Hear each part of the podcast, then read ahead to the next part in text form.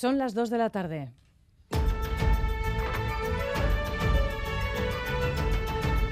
Crónica de Euskadi con Aichiber Bilbao.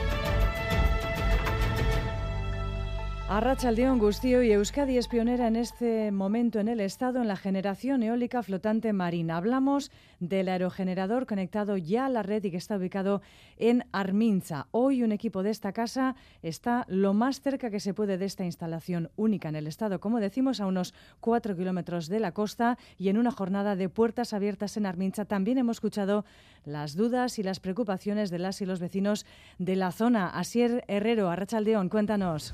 A Rachaldeón, en lancha se tardan 10 minutos en llegar desde el puerto de Armincha hasta esta plataforma eólica flotante de BIMEP en la que nos encontramos. Está a dos millas de la costa y eso preocupa a los vecinos, que creen que puede cambiar su día a día. Por eso hoy están teniendo ocasión de plantear sus dudas a los responsables en el día de puertas abiertas. He vivido de la pesca. Me inquieta la financiación. Repercusiones que tiene no me parecen tan ecológicas. ¿En qué zonas también se va a acotar y todo esto, no? Hasta las 3 de la tarde, vecinos y curiosos se pueden acercar hasta Armincha a plantear sus dudas y de hoy en adelante a través de la página web del Ente Vasco de la Energía.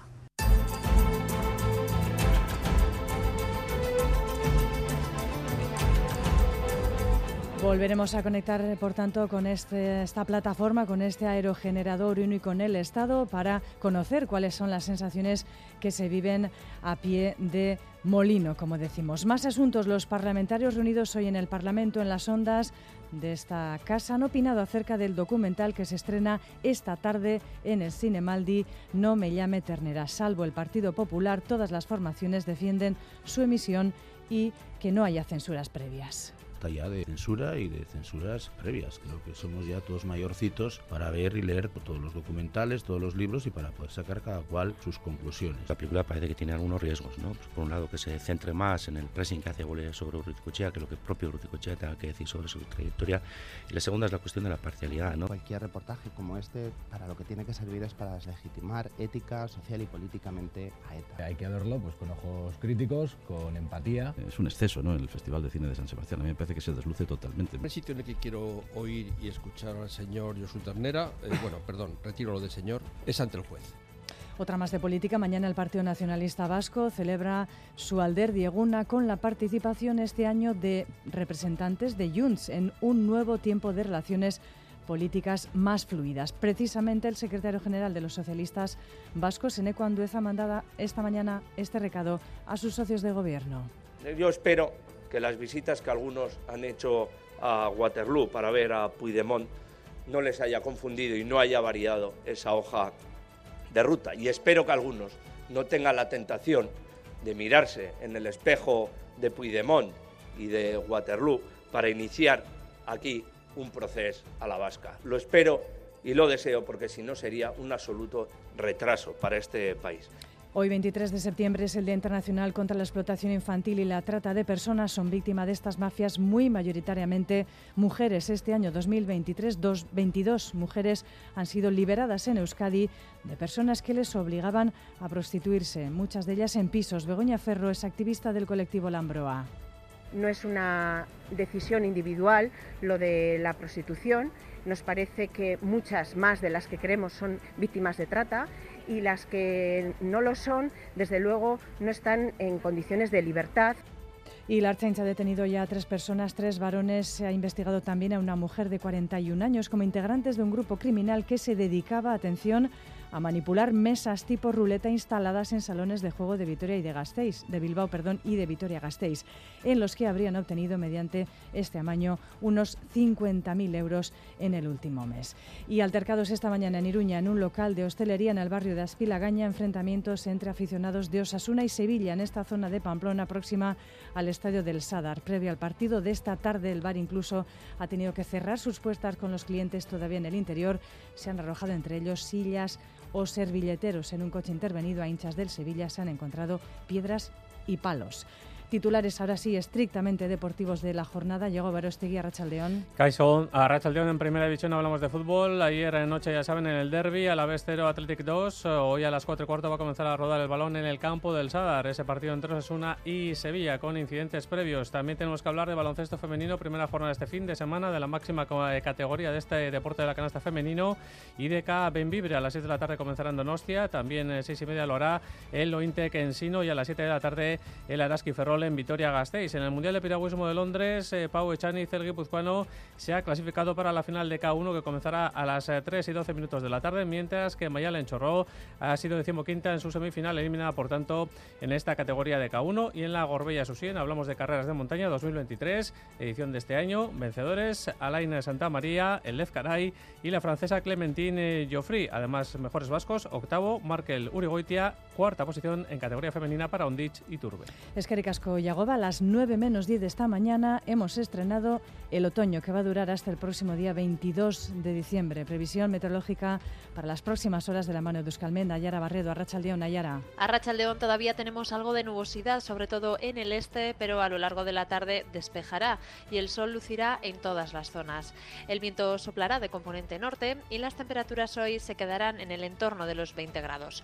Por lo tanto, a medida que avance la tarde, el cielo quedará cada vez más despejado y esta situación continuará también mañana. Y es que mañana domingo será una jornada prácticamente veraniega. Estará soleado durante todo el día con alguna nube alta y gracias al viento del sureste las temperaturas ascenderán de forma importante. Se superarán los 25 grados de forma general y en algunos puntos nos acercaremos a los 30 grados.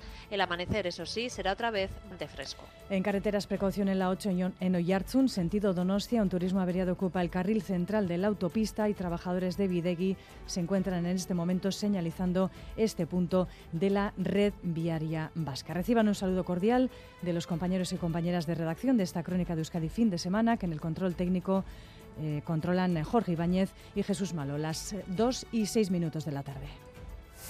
Crónica de Euskadi con Aichiber Bilbao. Día hoy de puertas abiertas en la estación eólica marina flotante de Mossad, liderada por la ingeniería vasca Saitec Offshore Technologies. Como sabrán, se trata del aerogenerador flotante instalado en la zona llamada BIMEP, frente a la costa en Arminza, y que es visible desde otros lugares de la costa vizcaína. Como resultado de este proyecto, por primera vez en el Estado, la eólica marina flotante se introduce en el mix energético como tecnología de generación renovable. Esta misma semana comenzaba ya a generar energía y a verterla en la red. Volvemos a conectar con la costa vizcaína. Asier Herrero, te has podido acercar al aerogenerador flotante. Estás en una zona muy cercana a un molino imponente de más de 70 metros de altura, recordamos, en una plataforma flotante anclada al fondo marino. Arrachaldeón, Asier. Sí, ahora mismo estamos a dos millas del puerto de Armincha. Aquí no pueden entrar ni barcos, ni lanchas, ni surfistas. Es una zona restringida de 5 kilómetros cuadrados en la que BIMEP tiene su banco de pruebas y en ella se ubica la tercera plataforma eólica flotante del mundo. Desde la parte baja impacta por su tamaño. Tiene 75 metros de altura la base es amarilla para que tenga una mayor visibilidad para los barcos y la alta es blanca. Hemos tardado unos 10 minutos en llegar hasta aquí, pero en el futuro estará aún más lejos. Si las pruebas son satisfactorias, el desarrollo comercial estará a 10 kilómetros de la costa. Lo explica John Lecube, técnico de BIMEP. La siguiente fase de este proyecto sería diseñar y construir un aerogenerador o varios aerogeneradores más grandes y al final, pues bueno, hay que buscar ubicaciones donde el viento, el, recurso de viento sea mejor. Pero para eso hará falta tiempo. Hasta 2025 no se espera que el proyecto final esté listo.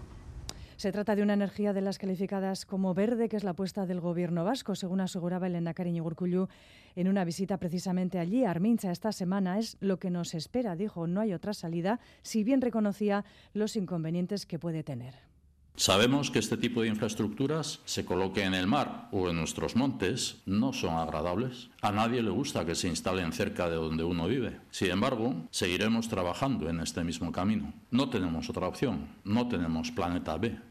Así era, antes de visitar el aerogenerador habéis podido asistir en tierra, eso sí, a las explicaciones que desde el EVE y desde la empresa impulsora de la tecnología han ofrecido a vecinos y vecinas y curiosos que se han acercado. ¿Qué dudas o qué quejas han trasladado? Cuéntanos. Pues hay dudas sobre la financiación, dudas sobre su eficacia, sus efectos en el día a día de los vecinos y en la pesca. He vivido de la pesca. Cada vez hay gente joven que no esperábamos que está volviendo. Me inquieta la financiación, cómo puede implicar a los ciudadanos el que estén conectados a una red, a una red eléctrica. Lo que más me inquieta es las repercusiones que tiene, no me parecen tan ecológicas. ¿En qué zonas también se va a acotar y todo esto, no? Los vecinos han tenido ocasión de preguntárselo en varias charlas informativas a los encargados del proyecto, entre ellos el director del Ente Vasco de la Energía, Íñigo Ansola. Somos capaces de desarrollar tecnología y, y generar una nueva cadena de valor industrial, eso quiere decir que en Euskadi vamos a tener más y más industria posicionada en nuevas tecnologías que podamos exportar tecnología por todo el mundo. Un proyecto innovador para el EVE y ahora los ciudadanos, si tienen dudas, pueden hacerlo hasta las 3 de la tarde. Hasta esa hora, la carpa del puerto estará disponible para atenderles, si no, siempre pueden hacerlo mediante la página web del Ente Vasco de la Energía.